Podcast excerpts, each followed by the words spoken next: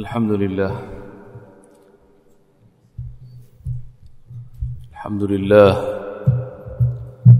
الذي أنزل القرآن على قلب نبينا الأمين محمد صلى الله عليه وسلم وجعله هدى للعالمين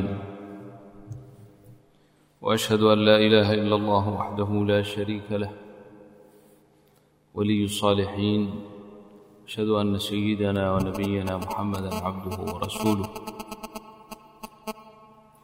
سيد الناطقين صلوات الله وسلامه عليه وعلى آله وأصحابه ومن تبعهم بإحسان إلى يوم الدين أما بعد الحمد لله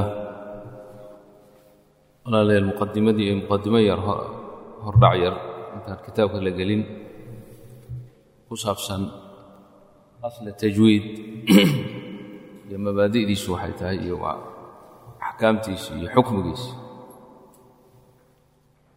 Qur'aanka ilaahay subxaanahu wa tacaala nabigeenu ku soo dejiyey sala allahu calayhi wasalam nebiga zamankiisii markaa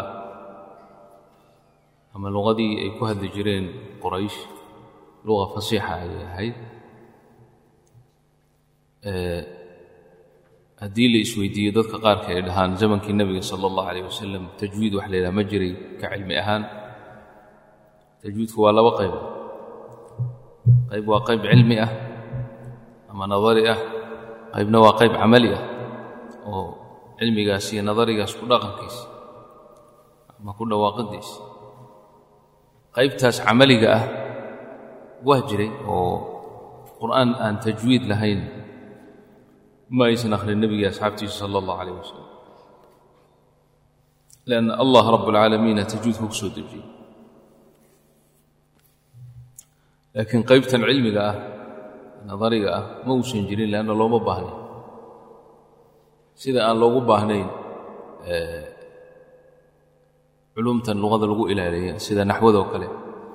Zamankii nebiga lama aqoonin faacil iyo mafcuul iyo marfuuc iyo mansuub midna lama aqoon maxaa yeele looma baahnayn anna waxa afka qaldayaa ma jirinba markii berigii dambe oo islaamku waasic noqday oo dowlado badan oo cajam ama umam badan oo cajama soo galeen islaamka oo carabtii iyo cajamtii isdhex gashay ayaa khaladaad fara badan halkaa ka yimid. Tasarub baa dhacay oo luqaadkii markaasaa loo baahday culumtan lagu ilaalinayo ama lagu celinayo asalkii ay culimmadu ay markaas tadwiiniyeen marka saas awgeed axkaamta lagu sheegaya hadda ee nadariga ah axkaam nuun saakina axkaam atanwiin makhaarij alxuruuf sifaat alxuruuf iyo wixii la mid ee ka mid ah min abwaab الtajwiid kacanaawiin cilmiya maysan u jirin fii zaman الnabiy salى اllah alayh wasalam liannahu laa xaajata xaaje looma baahna kama huwa alxaal saa'ir alculuum culumta badideed saas oo lagu ilaalinayo asl alkitaabi waالsunna marka saas ayaan cidna u odhan karin tajwiidku ma ahayn wax jiray ma ahayn qur'aan aan tajwiid lahayn lama aqrinin qur'aan aan bilaa tajwiidana ma asaxayo ka yacni ninkii akhriyana waa noo iman doontaa qur'aanka bilaa tajwiid ninkii ku akhriyana. Isagoo awoodi kara inuu ku akhriyo ama uu bartana. Waa dee dembaabaya sidan sheekha imaam ibn aljazari alxaafid ibn aljazari oo halkan uu noogu caddayn doono. Dad baa ka hadalday baa layidhi xataa walow cilmi baa loo arrimo noocaas oo yidhi tajwiidku waa waajib ma aha iyo wax saasaa la sheeg sheegay laakiin waa qowl saaqit lilgaaya qowl aad iyo aad u dhacsan oo aan qiimo lahayn weeyaan. Cidduu doona ha ka soo baxo qowlkaas. Lianna qur'aanka aan tajwiid lagu aqrin macnihiisu ama? Macnihiisu inaan bilaa makhaarijtii aan la aqrin dadka af carabiga ku hadla nin hadduu yimaado bismi illaahi araxmaan araxiim iza gaaa nasru llahi iza gaaa nasru llahi walfatx hadduu yidhahdo sida qoladan reer masar oo kale mid kaloo duwal alkhaliiji hadduu yidhaha wala daalliin wada ba iska akhriya mid meesha soomaaliya jee geyrilmakduubi iska yidhaha hada huwa cadamu tajwiid kaasaa loo jeedaa. Marka ma asaxaya ka qur'aan? Siraadha aladiina qur'aanahan ma u asaxaysaa idaa ja'a nasrullahi qur'aan ma u asaxaysaa tajwiidku waa sidii khaladaadkaas looga ilaalin lahaa xuruufta qur'aanka ninkii yidhaha looma baahna isagoo ha keena markaa maxaa loo baahanya waxa la aqrinaya markaa muxuu yahay qur'aan ilaahay baa tilmaamay fii kitaabihi nasan sariixan qur'aanan carabiyan غayra dii ciwajin lacallahum yattaquun qur'aanan carabiyan baa laga rabaa. Qur'aan alcarabi yaqtadii altajwiid nin qurashi ah haddii mid uu maqlo leh qaala qaa'ilun minhum qaala qaa'ilun wallahi ma yafham ma garanaya macnihiisu hadda muxuu ka tegey ninka qaala qaa'ilun la yidhaha haddii la qoro sideeda u qoran tahay muxuu ka tegey sifatu lqaaf buu ka tegey wahuwa tafkhiim qaaf mufakham qoo hadduusan qoola qaa'ilun odhan huwa ma yafham xuruufta makhaarijteeda meel iska dhig sifaadka sifatu lxarf xarafka weynayntiisa tafkhiimkiisa iyo tarqiiqiisa ayaa macnaha bacd almaraat beddelaya mitaalkan soomaalidadi soomaaliya aan ku sheegi jirnay kelimaad isku mid ah sida dad oo kale haddii la dhigo waa isku dhigaal weeye soo maa laakiin haddii la yidhaha dad bimacnaa qad dabool dad haddii la yidhahna bimacnaa dad bashar maxaa kala duwan waxaa kala duwan sifaadka kala duwan nafs almakhraj waay laakiin sifadaa duwan kadalika duulid iyo duulid way duushay diyaaraddii iyo way duushay ma kale laba macnaa maxay macnaheedu tahay diyaaraddii way duushay maxaa loo jeeda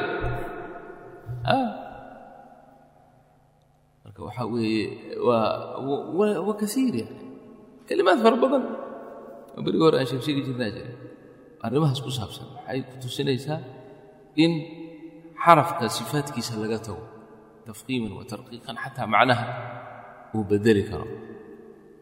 Marka sifaat alxuruuf waa waajib in la barto. Ninka yidhaha waajib maha isaga meeshuu ka keeni din kalaha ka keena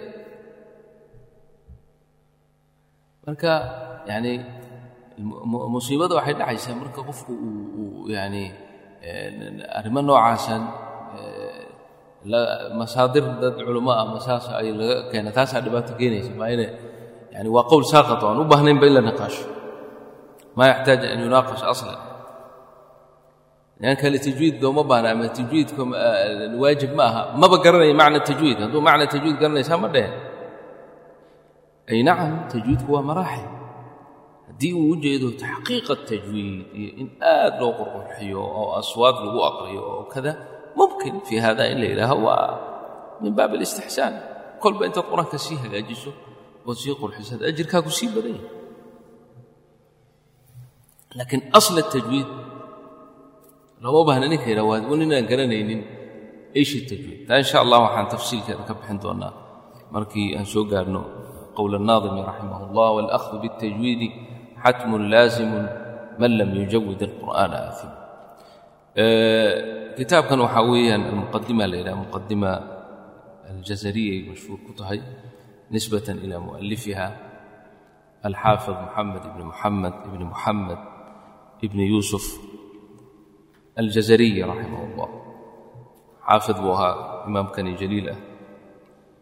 Xaafid waa darajat alxadiid waa yani darajat alxadiid wuxuu gaaray fi alxadiid kaana xaafida walahu mu'alafaat cidda ayuu leeyahay waxaa ugu mashhuursan kitaabka la yidhaaho xisn alxasiin waan ku soo gaabiyo la yidhaha ciddat xisn alxasiin oo shawkani uu sharxay.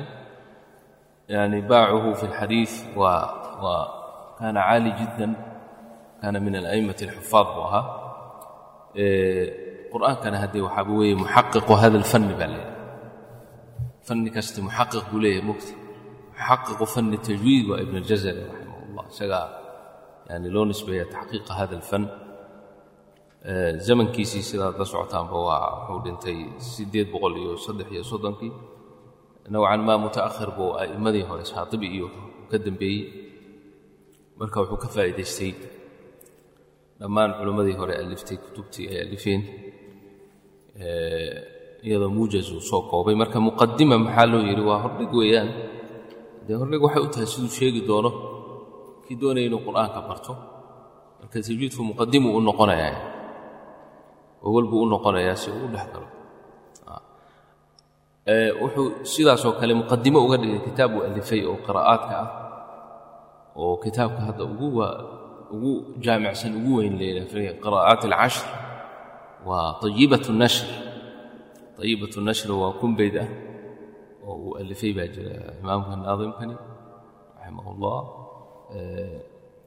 muqadimada naftirkeedu uga dhigay muqadima uga dhigay fi tajwiid waa meesha uu leeyahay waha ana muqadimun calayha فوائدا مهمة لديها كالقول في مخارج الحروف وكيف يتلى الذكر والوقوف مركز شيري مخارج الحروف سبعة عشر على الذي يختاره من اختبر مركا مقدمدني كتاب كمية الرئيسي وتضمينا نظمي سكودر صدي mise markuu nadmigaa alifay uu muqadimadan ka soo dhex bixiyo gaar u soo saaray lifaa'idatiha adugu inteeda badan axkaamteedu hadda halkan inta halkan ku xusan abwaab ziyaadaa waa jirtaa laakiin nuxurkeeda waxay uu ku qoray.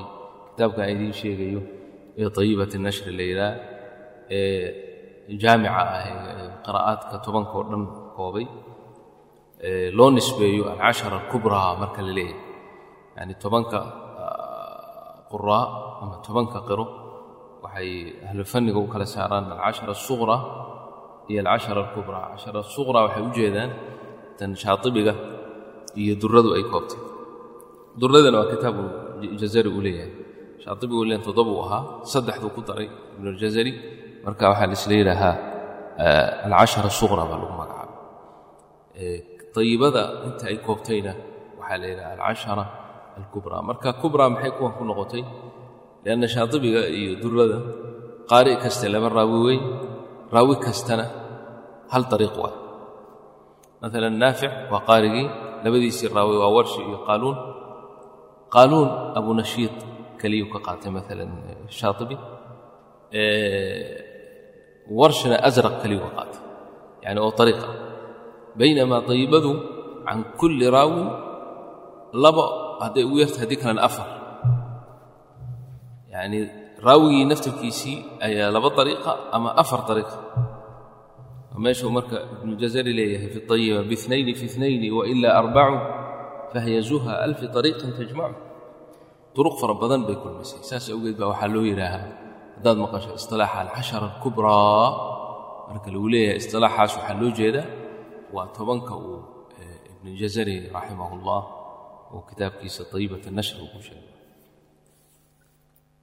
ayb in shaء allah nashrac fi qira'aة الnظm in shaء allah bismi اllahi الرaحman الرaحيم qala الشheikhu raximah الlah yquل raajic fi rabi saamici muxamed bn اljazriي الshaafiعي alxamdu لlah وslى اllah عlى nabiyih وmuصطafaahu muxamadi وآlih وصaxbih وmuqri'i الqur'an mac muxibihi وبعد إن هذه مقدمة فيما على قارئه أن يعلمه إذ واجب عليهم محتم قبل الشروع أولا أن يعلموا مخارج الحروف والصفات ليلفظوا بافصح اللغات او لينطقوا بأفصح اللغات محرر التجويد والمواقف وما الذي رسم في المصاحف من كل مقطوع وموصول بها وتاء أنثى لم تكن تكتب بها باب مخارج الحروف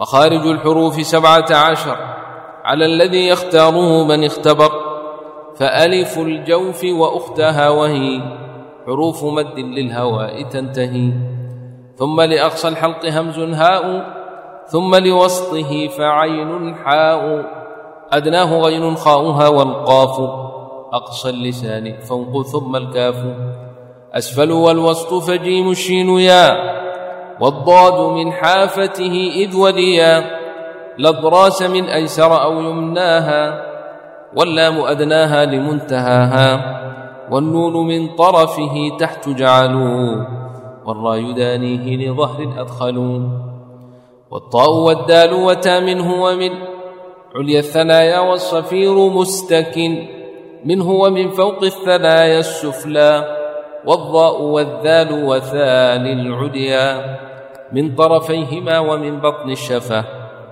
فالفاء مع أطراف الثنايا المشرفة للشفتين الواو باء ميم وغنة مخرجها الخيشوم باب الصفات صفاتها جهر ورخ مستفل منفتح مصمتة والضد قل مهموسها فحثه شخص سكت شديدها لفظ أجد قط بكت وبين الإخو والشديد لنعمر وسبع علو خص ضغط قض حصر وصاد ضاد طاء ضاء مطبقة وفر من لب الحروف المذلقة صفيرها صاد وزاي سيل قلقلة قطب جد واللين واو وياء سكنا وانفتحا قبلهما والانحراف صححا في اللام والراء وبتكرير جعل وللتفشي الشين ضاطا استطل طيب قال الشيخ رحمه الله يقول راجي عفو رب سامع محمد بن الجزري الشافعي يقول راجي عفو رب سامع يعني ربي سامع عفوي سكير رجيني وحليه ee muxamed bnu اljazariyi shaaficiyi ahaa muxamed ibnu اljazari maxamed waa magaciisa waljazariyi nisbatan ilaa baladihi aw ilaa fakhiidatihi aw ilaa qabiilatihi. Ashaaficiyi madhaban ahaa madhabtiisuna shaafici ahaa muxuu odhanayaa imaamkaasi alxamdu lilaah lilaahi alxamd xamd iyo mahad ilaah baa iska leh wa sala allaahu allaha u naxaray ku salliyo calaa nabiyihi. Allaha ku salliyo calaa nabiyihi wa mustafaahu muxamadin wa aalih asalaa haddii tafsiir ahaan la fasiro soomaalida waa naxariis weeye laakiin markaad nebiga ku sallinayso af soomaali ha u bedelin nebigii naxariis nabadgelyo dushiisa ha ahaatee marka la leeyahay anigu waxaan waa laga fiicanya لأن naxariis fi اluغa الcarabiya raxmay noqon kartaa haddii hadani yihaa qaala الnabiyu raximah اllah hadalxun muusan odhan laakiin hada laysa maqaamu اlanbiya maqaamu اlanbiya aلصalaaة aلصalaaةu calayhim الnabiyu salى اllah عalayh wasalam baad odhanaysa qaala الnabiyu salى اllah عalayh wasalam haddaa qaala الnabiyu raximah اllah aad tidhaahid haddee isaga iyo dadkii kale ee maaragtay muminiinta caamata اlmuminiin ayaad arrintaas aad ka sintay ilaahayna ma simin ilaahay nebigaas yani aلصalaa buu maqaam الصalaaة muminiinta wuxuu yidhi ulaa'ika sayarxamuhum اllah laakiin nebigu wuxuu yidhi ina allaha wamalaa'ikatahu yusalluuna cala الnabiy yaa ayuha aladiina aamanuu saluu calayhi wasalimuu tasliima marka lafdiga aلصalaaة haddii macneed loo helo tarjama ah oo sax ah dhib ma leh laakiin sida hadda uu yahay in nebiga naxariis iyo nabadgelyo dushiisa ahaato. Telefoonka waa isxirime bismi illaah marka wasala allahu iska dheh. Allah ku salliyo nebigiisii muxamed ahaa iyo mustafaahu muxamadin ahaa wa aalihiina allah ku salliyo wasaxbihi iyo asxaabtiisa wa muqri'i lqur'aanina allah ku salliyo weeyaan waa tabacan lahum maca muxibihi muqri'i lqur'aani qur'aanka muqrigiisa. Aqrinayay ama dadka barayay muqri haddii la yidhaha fi lisilaax ahlilfan waa ninka darajat liqraa iyo akhrinta iyo baridda dadka gaadhay. Ninkaasaa muqri la yidhaha. Ee hadduu iska akhrinayo qaari wey hadduu qaari iyo muqri muqriga ka sarreeya fi isilaax hada alfan shaykhu lmuqri haddii la yidhaha waxa weeye waa waa daraja kabiira. Marka muqri'i lqur'aanna allaha yani ku salliyo tabcan limuxamadin sala allah alayh wasalam iyo maca muxibihi muxibigiisa jecel muqriga ama maca muxibihi muxibi alqur'aani qur'aanka kan jecel intaasi ducadii iyo xamdigii iyo salligii nebiga calayh isalaatu wasalaam ka bacdi wa bacdu intaa kadib ina haadihi tan aw tantadi muqadimatun weeye فيما على قارئه أن يعلمه في الذي فيما أي في الذي ماذا سي الذي بكب عبرنتهي فيما أي في الذي على قارئ القرآن هل كاوحا قدرا فعل وجب على قارئ القرآن فيما في الذي وجب على قارئ القرآن هو واجب قارئ القرآن كأقرني أن يعلمه إنه أغاذه أما أوبرته إذ واجب بيهاتي عليهم كواس إيغا قرآن كين أقريان دونه waajib oo muxatamun go'an oon laga hadli karin weeye. Qabla shuruuci intaysan gudagelin qirada iyo akhrinta awalan hordhigba intayna gudagelinba qiradii an yaclamuu inay ogaadaan oo bartaan makhaarij alxuruuf xuruufta makhaarijteeda meesha ay xuruuftu ka soo baxayso iyo wasifaati xuruufta sifaatkeeda xaraf kaste makhraj buu leeyahay uu ka soo baxo. Xaraf kastana sifuu leeyahay uu kale kaga duwan yahay. Makhaarij alxuruufi waasifaati liyalfiduu aw liyantiquu say ugu dhawaaqaan. Liyalfiduuna waa isla biafsaxi luqaati afsaxu luqaat waa luqada carabiga. Ee luqada carabigaoo laakiinse makhaarijteedii iyo sifaadkeedii wadata waay yani haddii luqa carabiya aysan wadanin. Marka carabnimadii way ka baxaysaa. Ciddii doonaba carabnimaha ku sheegto laakiin carabnimadii markaa way ka baxaysaa. Yalfiduu biafsaxi lugaati muxariri tajwiidi xaal tajwiidka kuwa taxriiriyey bimacnaa taxqiijiyey walmawaaqifi mawaaqifta meesha lagu istaagay meesha laga bilowdo qur'aanka kuwii taxqiijiyey yihiin nimankaas bartay خارج الحروف والصفات سي أي أفصح اللغات ودواقان حال أيهن محرر التجويد التجويد كقوة تحقيقية هي والمواقف ما لها مواقف تأهي لغو باللوضة أما لغو استاغو أما لغو باللوضة لبضبة وما الذي أي ومحرر كذلك ما الذي رسم في المصاحف ما الذي كي رسم في المصاحف مصاحفته lagu rasmiya ama lagu qoray yani qoraalkii masaaxifta alcuhmaaniya ee loo nisbeeyey sayidina cuhmaan radia allahu canhu zamankiisii idnigiisii baa lagu qoraya kuwa taxqiijiyey xal ay yihiin. Marka cilmu rasmi waa cilmi waasice mana hadda loo jeedo ama naadimku uma jeedo in la wada bartee inta muhimka ah ee taaban karta tajwiidka ayuu ka hadlay من كل مقطوع مركالك وما الذي رسم في المصاحف كي مصحف كاللغو رسمية أما لغو قري عليه قوة تحقيقية ومن كل مقطوع كهذا يمدك كالقوي وموصول لحديدية بها بتلك المصاحف مقطوع أي موصول كيوجد مقطوع أي موصول وسيدا نوع من دونتا وحروف أما كلمات مصحفك كلمات اسكو مدى oo isku dhawaaqa oo aan kala duwanayn laakiin dhigaalkoodii kala duwan yahay qaar la kala gooyey qaar la xidhiiriyey yacni sida kelimadda fiima fii suurati albaqara laba safxay ku kala jirtaa fii suurati albaqara falaa junaaxa calaykum fiima facalna fiima fiima.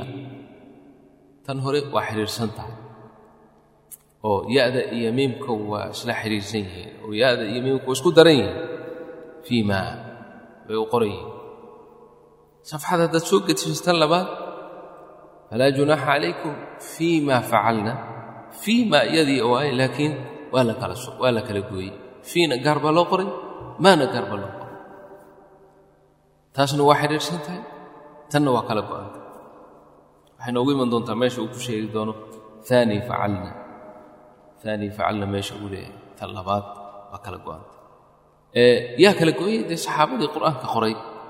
Zamankii nabige zamankii sayidina cuثmaan radia allahu canhu waa kii qur'aanka la qoray masaaxif loo qoray. Intii kalena la yidhi hala gubo oo aan dib loo arkin. Maadaama uu dhacay waxoogay shiqaaq iyo khilaaf. Asxaabtii nebiga radia allahu canhum ijmaac waxay ku gaadheen iyagoo amiirkoodii ka yacni idan qaadanaya waxay ijmaac ku gaareen in qur'aanka masaaxif loo sameeyo oo gobol kaste ama waddan kasta oo islaamkana musxaf loo diro. Musxaf iyo qaarigii bari lahaa waddankaas. Marka madiina laba musxaf bay yaa loo nisbeeyey. Musxaf sayidina cumaan laftiisa khaas u ahaa musxafulimaam baa laydhaha iyo musxaf kale oo reer madiina loo qoray makana musxaf baa loo qoray. Nin bara waxaa ku qoranna musxafkaa ku qoranna waa la diray. Musxafkii iyo saxaabigii wada socdaa ma ka tegey. Qur'aanku halkaa ku faafiyey. Qiraa'a waxaa ka soo baxday layidhaha qiraa'atu ahli makka.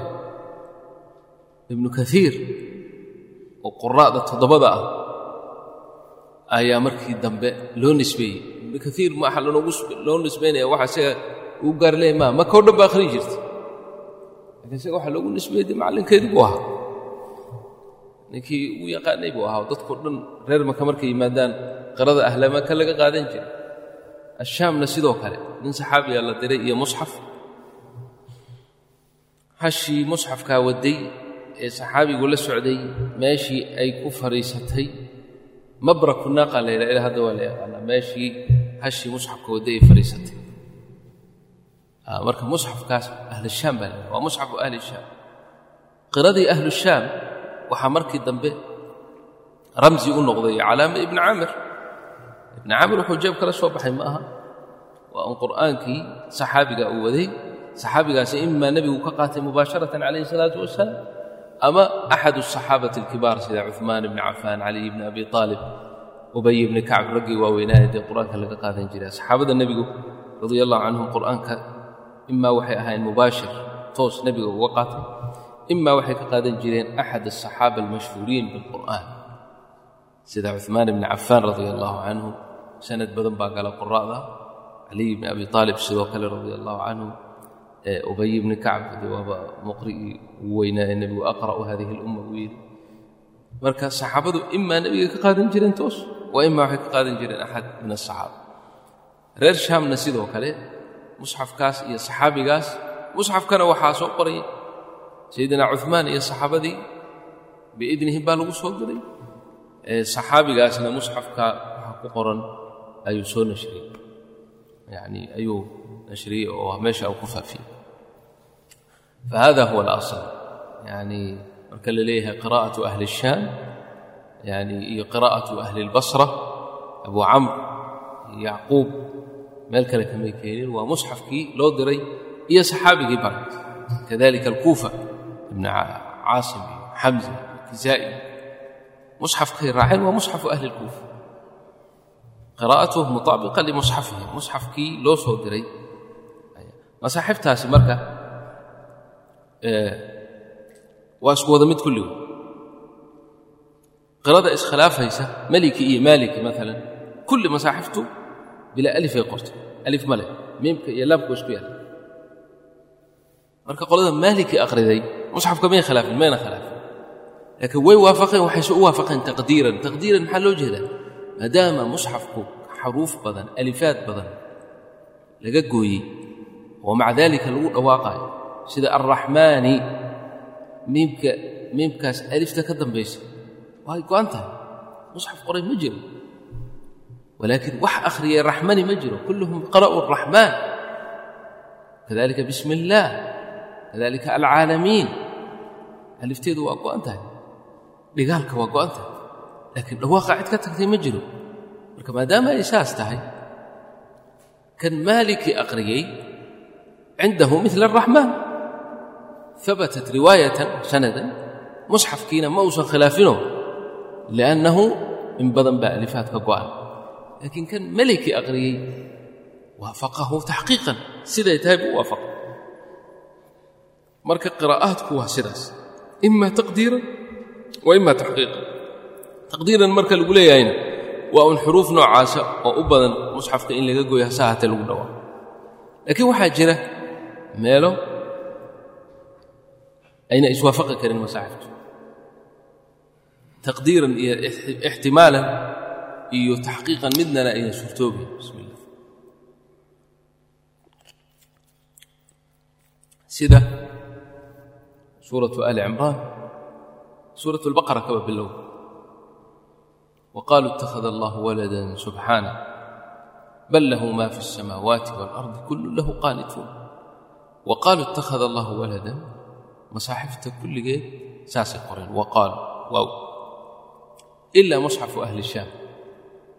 muxafkii shaam loo diray. Wawga waa ka tegay wow ma jirin. Qaaluu itakhada allahu walada. Marka iish macnaaha? Macnaha waxa wahe qaaluu itakhada allaha waladan oo aan wah wadanin haakada anzala allah. Ilahay saasuu soo dejiyey subxana wa tacala wa qaaluu itakhada allah waladanna waa soo dejiyey labadaba. Tanna waa soo dejisana waa soo dejiyey. Ayb aaabi saxaabadii nebiga qur'aan ka qaaday ama ka akhrisatay midna saasuu nebigu ku baray midna sidanuu nebigu markii dambe ee qur'aanka la tadwiininayay meelaha noocaas oo kale ah ee aan ixtimaal iyo isu xambaaraynin masaaxiftaa lagu kala soocay maala musxafu ahli shaam iyo musxafu ahli madiina. Musxafu ahli shaam qaaluu ittakhada allahu waladan biduuni waaw. Ayaa lagu qoray. Saxaabigaasna saasuu soo naqliyey sidaasuuna gaarsiiyey reeshaam كذلك سورة آل عمران وسارعوا إلى مغفرة من ربكم مصحف كأهل المدينة هي مصحف كأهل الشام labadaba waa bilaa waaw saaricuu ilaa maqfirati halkaa waa sheeko dheer oo ku saabsan waxaa la yidhaha cilmu rasm rasmulmusxafku cilmi weyn weyn musxafkana iska akhrinaysa iska dulmarayso cajaa'ib baa ku jirta dada u fiirsan cajaa'ib baa ka buxa laba kelimadood oo isku sii u qoran oo isku sii loogu dhawaaqay ayaa laba sii u kala qoran hadda mala socotaan subxaana see loo qoraa subxaana. Ee sheegi kara subxaana see loo qora musxafka sida higaadda maaha musxafka see loo qoraa. Xa'da iyo nuunka ma laysku daraa mise waa la kala goya waa la isku dara xa'da iyo nuunka waa isku daranta qur'aankao dhan waa saas ilaa meel keliya. Meeshaas ma taqaano. Fii suurati alisraa qaala subxaana rabbii ama qul subxaana rabbii hal kuntu ilaa bashara rasuula subxaana rabbii alifa ku taaga leesh maxaa halka loogu taaga lama yaha asxaabta nebigaasaas maxay kaga duwan tahay tani kuwa kale waxay kaga duwan tahay ma jiro dhawaaqii waa isku mid qiraa'aadkii waa isku mid laakiin halkan alif bay yeelatay saxaabadii baa soo qortay sidiina waa lagu raacay lamana khilaafi karo amaa macnaha iyo waxay ula jeedeen. In sha allah markii jannada la tagaa la weydiin haddii jannada lagu tago laakiin adduunka inta la joogo lama garan karo. Telefoonaa soo dhacay meesha. Telefoonka dadka ku duubanaya waxaa fiican inay ka saaraan itisaalka yani haddii kale tashwiishu keenaya baaraka allah fiik. Wahaakada marka meelo fara badan yani ada bismi illaahi ugu fudud maaha baada iyo siinka ma isku xidhiira waxbaa u dhexeeya. Baada iyo siinka waa isku yaallaan soo maha bismi.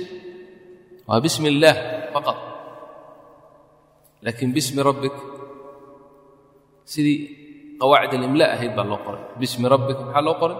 Alifaa lagu taagay iqra' bismi rabbik alif baa ku taagay laakiin bismi illaah alif kuma taagan aliftatan maxaa looga gooyey hamsatulwaslitan looga gooyey kuwaasna loogu qoray waa arrin saxaabadii ay sameeyeen marka cilmu rasmiga waa cilmi weyn kutub baa laga alifay imaamu shaatibi kitaab buu leeyahay alqasiida araa'iya la yidhaho saddex boqol oo laba beyd la yani waa shaatibiya oo raa'iya ah shaatibiya laamiya waa qira'aat sabc ibnu ljazari sidoo kale kutub buu ka alifay a'immadu in badan kutub bay ka alifeen waa cilmi weyn oo waasica laakiin inta tajwiidka khusaysa ayaa waxay tahay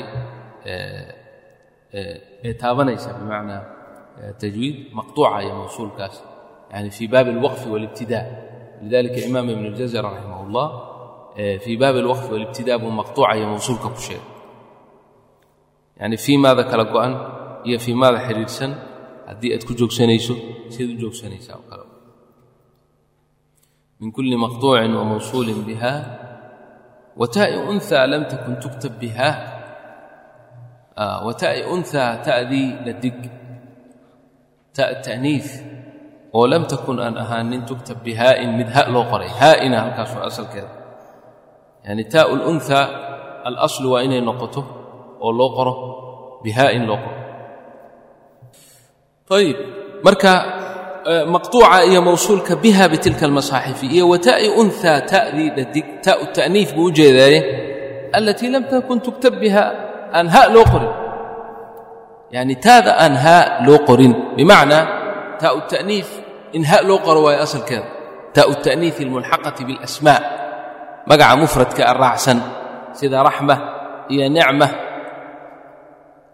iyo imra'a iyo maa shaabah dalik asalkeedu waa in ha loo qoro yani tan soomaalida qaarkood dhahaan ta gaab yani waa ha dhigideedu waa ha asalkuna in ha loo qoro waay laakiin musxafka waxaa ku timid meelo ay ta dheer loo qoray baa jirta. Marka way ku koobeen way kuu sheegeen. Intaasoo meel intaasoo meelood ayaa ta dheer qur'aanka u qoran tahay ee iska ilaaliya. Intaasoo meelood.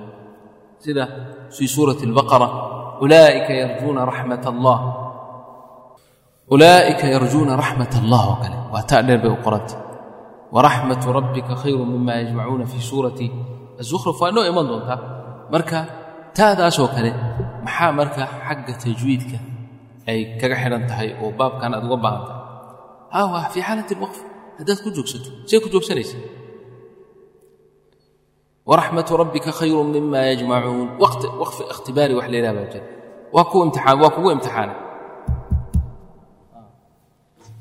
haddaan kugu imtixaano oon ku idhaaho ku joogsataada see ugu joogsanaysa kayfa taqifu calayh haddaan ku joogso ku idhaho mataabaad ku joogsan mise haabaad ku joogsan waraxma miyaad odhan mise waraxmat hadday taa u qoran tahay musxafka ta'daad ku joogsanaysaa waraxmat baad odhan hadday ha u qoran tahayna raxma baad ku joogsanaysaa wa in kaana qura'du ha isku khilaafeen oo qura'da qaarkood ayaa meel kastaba ha ku joogsanaya sida abu camar oo kale.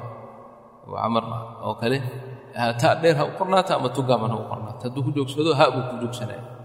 Raxma ida kutibat bitaa'i haau mu'anatin fabilhaa'i qif xaqan ridan wamucawila yidhi imaamu shaatibi marka uu arrintaa ka sheekeynaya.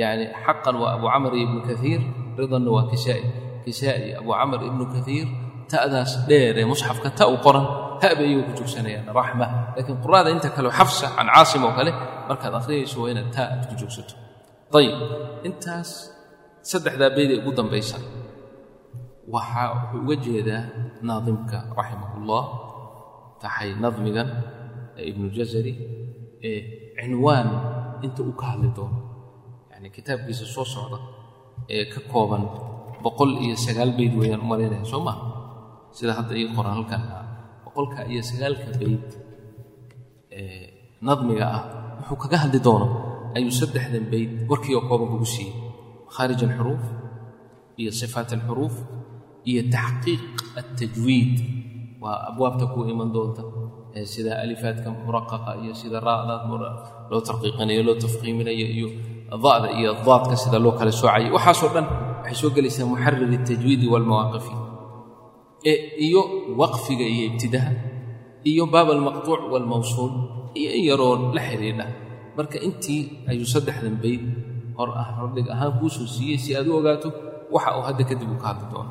Qaala shaykhu raximah llah baabu makhaarij alxuruuf makhaarij alxuruufi sabcata cashar cala aladii yakhtaaruhu man ikhtabar makhaarij alxuruuf xuruufta makhaarijteeda makhrajka waxaa la yidhaha xarafku meesha uu ka soo baxo.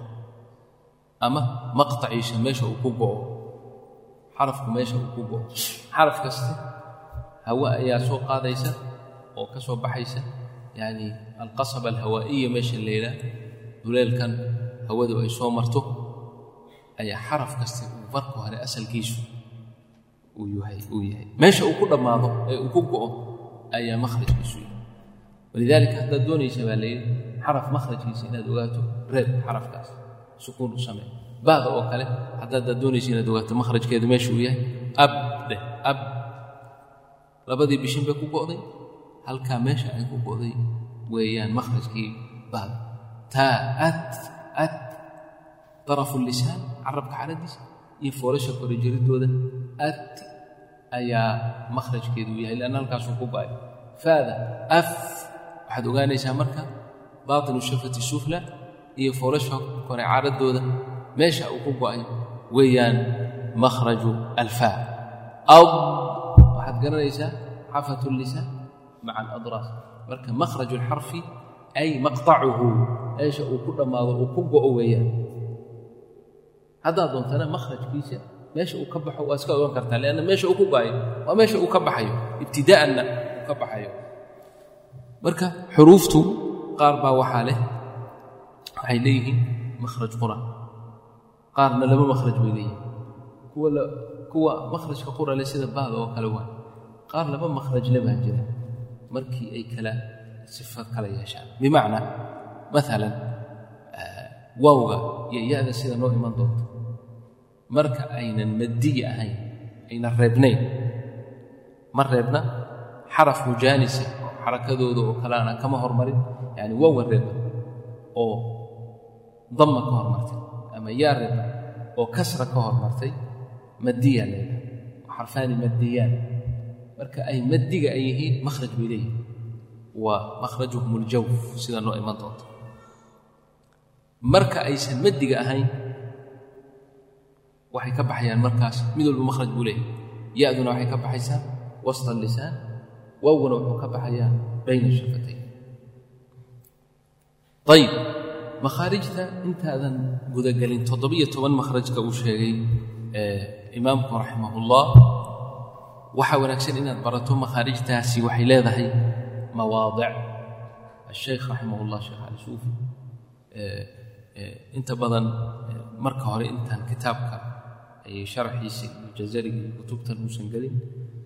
Qawaacid ahaan buu ardada u xifisiin jiray qawaacid ahaan buu noo xifisiin jiray marka qawaacidda unoo xifisiin jiray baa wuxuu odhan jiray makhaarij shan mowdic bay leedahay marka hore. Shan boos. Jafku waa mid xalqiga oo hungurigana waa mid. Ka labaad carabkuna waa mowdic waa kan saddexaad ashafataanna waa kan afaraad waa labada bishi iyo khayshuumka oo ah sanqada waa mowdica shanaad.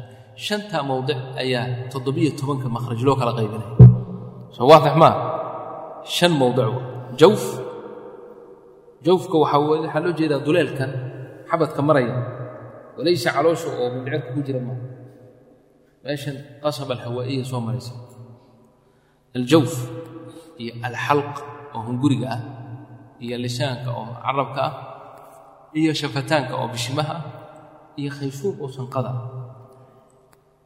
Shantaa mowdic baa makhaarijta toddobiyo tobanka makhraj u kala qaybsamaya. Sidanayna u kala qaybsamaya jawfka hal makhraj buu leeyahy toddobiyo tobankii hal makhraj buu ku leeyahy jawfka hunguriguna xalqiguna saddex makhraj buu leeyahy waa imise intaas? Afar. Carabkii oo allisaanna toban makhraj buu leeyahy carabka sooma aragtaan inuu ugu khatarsan yahay? Waxaa khatartiisu u badan tahay saasu toban makhraj carabkaa yeeshay keligiis. Maxaa ku xiga ashafataan laba makhraj buu leeyahay. Mowdica ashafataan la yidhaah laba makhraj buu isna leeyahay. Marka waa imise halkaas lix iyo toban. Mid keliya ku hadhay oo khayshuum ah oo sanqada ah waa isna mid buu leeyahay. Marka toddobiyo tobankii makhraj saasay u qaybsameen shantii mowdicna waad baratay toddobiyo tobankii makhraj say u kala qaybsanayeen. Marka tafaasiishii baa kuu hadhay faahfaahintii makhraj walba xuruuftiisu maxay tahay? Leanna arrinta laga hadlayo waa siddeed iyo labaatanka xaraf ee carabigu luqada carabigu ka kooba xaraf walba makhrajka uu leeyahay. Xuruuftu marka qaar waa waa walaalo wey isku aabbiyo isku hoyo wey qaar waa walaalo laakiin isku aabbo keliya qaar waa walaalo laakiin isku hoyo keliya oo labada waalid mid un wadaaga qaar labada waalid midna ma wadaagine ilma adeer wey qaarna ilma adeer koraad waay. Qaarna kor jilib wey qaarna waa qabiil. Soo ma garan. Marka xaraf walba xarafka kale qaraabada uu leeyahay ayuu ka tadakhul badan yahay oo ka gelid badan yahay arrintaas waxay kaaga kaalmaynaysaa markaad makhaarijta barato. Waxay ku fahansiinaysaa xuruuftu say isu gasho oo idqaamka isgelidda la xuruufta waa iyo idhaarka kala furidda xuruufta waa ayaad fahmaysaa cilladeeduba waxay tahay hadda marka lagu leeyahay nuunka xarfu nuun waa xaraf aad qur'aanka ama luqada carabiga ugu soo noqnoqda. Sida noo iman doonta lix xaraf buu ku jira oo had iyo goor inta badan hal kelima aan ka maqnay lixdaas xaraf waa fira min lubbin faada iyo raada iyo miimka iyo nuunka iyo laamka iyo baada lianna kulligood intan soke ka baxa dhulkan soke intan soke ee bannaanka soo xigta kor soo xigta ayaa xuruufta ugu fudud. Walidaalika carruurtu marka ay ababayaan oo luqada baranayaan kow maxay ka bilaabaan? Mataqaana kow waxay ka bilaabaan? Baaba iyo mama. Horta mama waxaan u malaynaya luqa kasta xataa maalinaan jabaan arkay kuwa jooga. Yar yar mama ilahay xataa kuwa jabaan jooga ilmo yar yar. Mama mama bula. Waa luqa caalamiyan u malaynaya subxaan allah marka mama ma ma iyo ba baaba baaba soo maa taasay ka bilaabaan leesh lianna waxa uu soo sokeeye ee bannaanka soo xiga ee ugu fudud dhaqaaqooda ayaa bishimaha ah. Carab darafu lisaan ugu xigaa waa nuunka iyo raada iyo laamka. Waa darafu lisaan. Marka xuruufulmudlaqa la yidhaha gadaar bay nooga iman doontaa. Inta badan hal kelima kama maqnaa nuunka baan u jeedaa iyo nuunku markuu reebmo. Sida uu xuruufta qaraabo ula yahay iyo siduu uga kala fog yahay ayaa idhaarka iyo idqaamku hadda marka nuunka reebman lagu leeyahay xuruufulxalq waa in la idhaariya leanna waa ka fog yihiin nuunku waa daraf carabku halka soo xiga xalqiga intay jiraan meel aad u fog waa guriga marka aad u fog yihiin weliba say u sii kala fog yihiin hamzada iyo hada ugu fog oo aqsal xalqa ka baxaysa hamze iyo ha nuunka ma geli karaan haddii madaxa lagaa tumo ma gelaysa ma gelin karti min xamiidin maa lakum min ilaahin hayru man huwa nuunka hada geli ma geli karti an halkaas aqsal xalq wastal xalqina ku soo xigo isna ma geli karo xa iyo caynka haddaad si kasta isugu dayda nuun inaad dhex gaysa ma geli laakiin haynka iyo khaada maadaama ay soo dhowaadeen oo aqsal xalqi ay yihiin meesha adna alxalqi meesha ugu soo sokaysa oo nuunka u soo xigta ay yihiin waa la gelin karaa. Oo min khayrin waa dhihi kartaa maa lakum min ilaahin hayruhuna waa dhihi kartaa waana abu jacfar oo quraada tobanka mid ka mid saasuu aqrinaya maa lakum min ilaahin hayruhu aqrinaya wamaa tunfiquu min khayrin faina allaha bicalim aqrinaya leanna waa geli karaa soo dhowaada xaraf walba intuu ka soo sokeeyo ilaa laga soo gaaro nuunka markii la soo gaaro ra'da iyo laamka waaba qarsoomayba yacni waa walaala rasmiya marka waxa waa ku dhex milmayba marka nuunka lamaba sheegayo walam yakun lahu baa la leeyahay yakun lahu yakun lahu ma dhahaysa laamka nuunkii maba sheegaysid min rabbikaad leedahay min rabbika awa nuunka khalaas waa qarsoon maxaa keenay waa lishiddati alqurb aaday isugu dhow yihiin lana walaala rasmiya marka xuruuftu makhaarijta iyo sifaadka qaar waxaa jira makhaarijta ka walaalooba oo sifaadka ku kala duwan qaar waxaa jirta makhaarijta iyo sifaadku ay ma garanaysaa sidaasoo kale marka taasay kuu faa'idaynaysaa qaala الشhaykhu raximah اllah makhaarij اlxuruufi sabcata cashar cala aladii ikhtaarahu man ikhtabar makhaarij اlxuruufi sabcata cashar wuxuu imaamku ku qarinayaa halkan makhaarijtu inay toddobiyo toban makhraj ay tahay makhaarij اlxuruufi xuruufta makhaarijteedu waa sabcata cashar waa toddobiyo toban cala aladii yakhtaaruhu min ikhtabarna wuxuu kugu sheegayaa in mas'aladaasi ayna maqtuuc ahayn oo mukhtalaf fiiha ay tahay oo laysku khilaafay laakiin sida raajixa ah ee kan khabiirka fannigan ku noqday uu qariray inay toddobiyo tobankaa tahay. Cala aladii cala alwajhi aladii baa u qadarna wajhigii oo yakhtaaruhu uu dooranayey man ikhtabara man saara khabiiran bihada alfanni fannigan khabiir ku noqday waa isagaa isu jeeday iyo wixii la mide marka halkaa wuxuu ka sa wuxuu ku tusinayaa in mas'aladaasi ay mukhtalaf tahay. Ikhtilaafkana waxaa keenay bacdu ahli ilcilmi waxay qarireen in makhaarijtu ay afar iyo toban tahay saddex bay meesha ka gooyeen oo nuunka iyo raada iyo laamka ay hal makhraj ka dhigeen waa meesha imaamu shaatibi raximah allahu tacaala uu leeyahay wamin طarafin huna aلثalaaثu liquطrubin wayaxyaa maca alfaraa'i macnaahu qawila wamin طarafin طaraf baa hunna saddexdaasi laamka iyo raada iyo nuunku liqutrubin alimaam imaam qutrub la odhan jirayoo naxwi kabiir ahaa iyo yaxya alfaraa imaamkii la odhan jiray ay ku tageen buu u jeedaa bimacnaa a'immo waaweyn ayaa nuunka iyo raada iyo laamka hal makhraj ka cabiray marka makhaarijtii agtooda waxay noqotay toddobiyo toban ma aysan waxay noqotay markaa afariyo toban. Maadaama ay ka gooyeen yani hal makhraj ka dhigeen intaas. Laakiin calaa kulli xaal sida uu imaamu naadimku uu doortay waa toddobiyo toban. Toddobiyo tobankaa tafsiilkeedii buu bilaabay. Faqaala shaykhu raximah اllah faalifu اljawfi waukhtaaha wahi xuruufu maddin lilhawaa'i tantahi. Wuxuu ka bilaabay mowdicii horeen idiin sheegay ee ah mowdicu ljawf jawfka makhaarijtiisu waa amisa waa makhraj qura. Maxaa ka baxa? Saddex xaraf saddexdaasuu kuu sheegaya.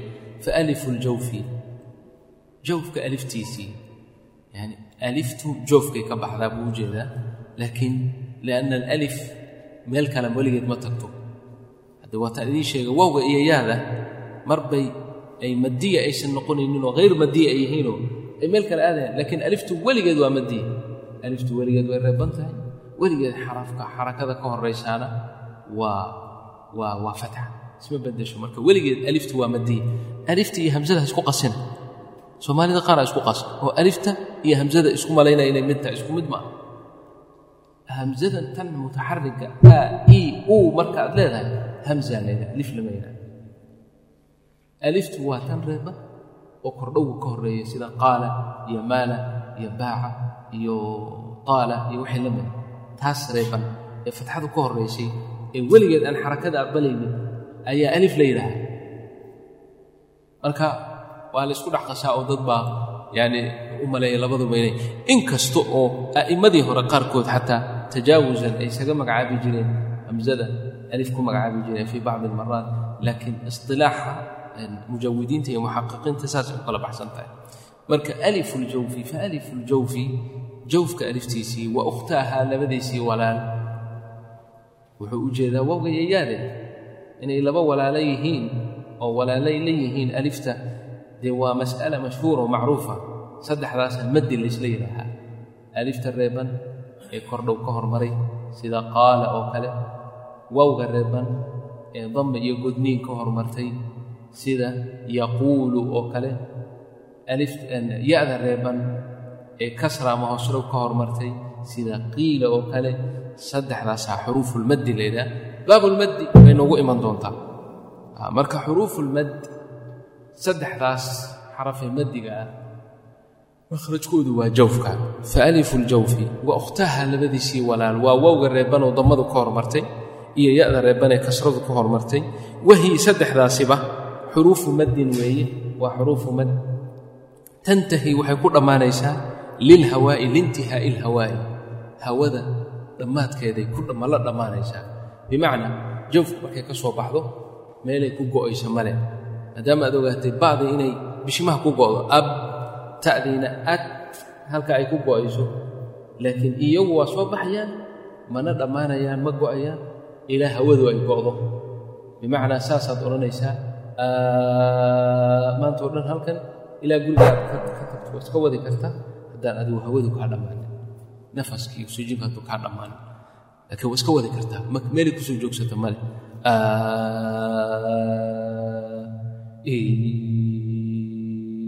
iska jid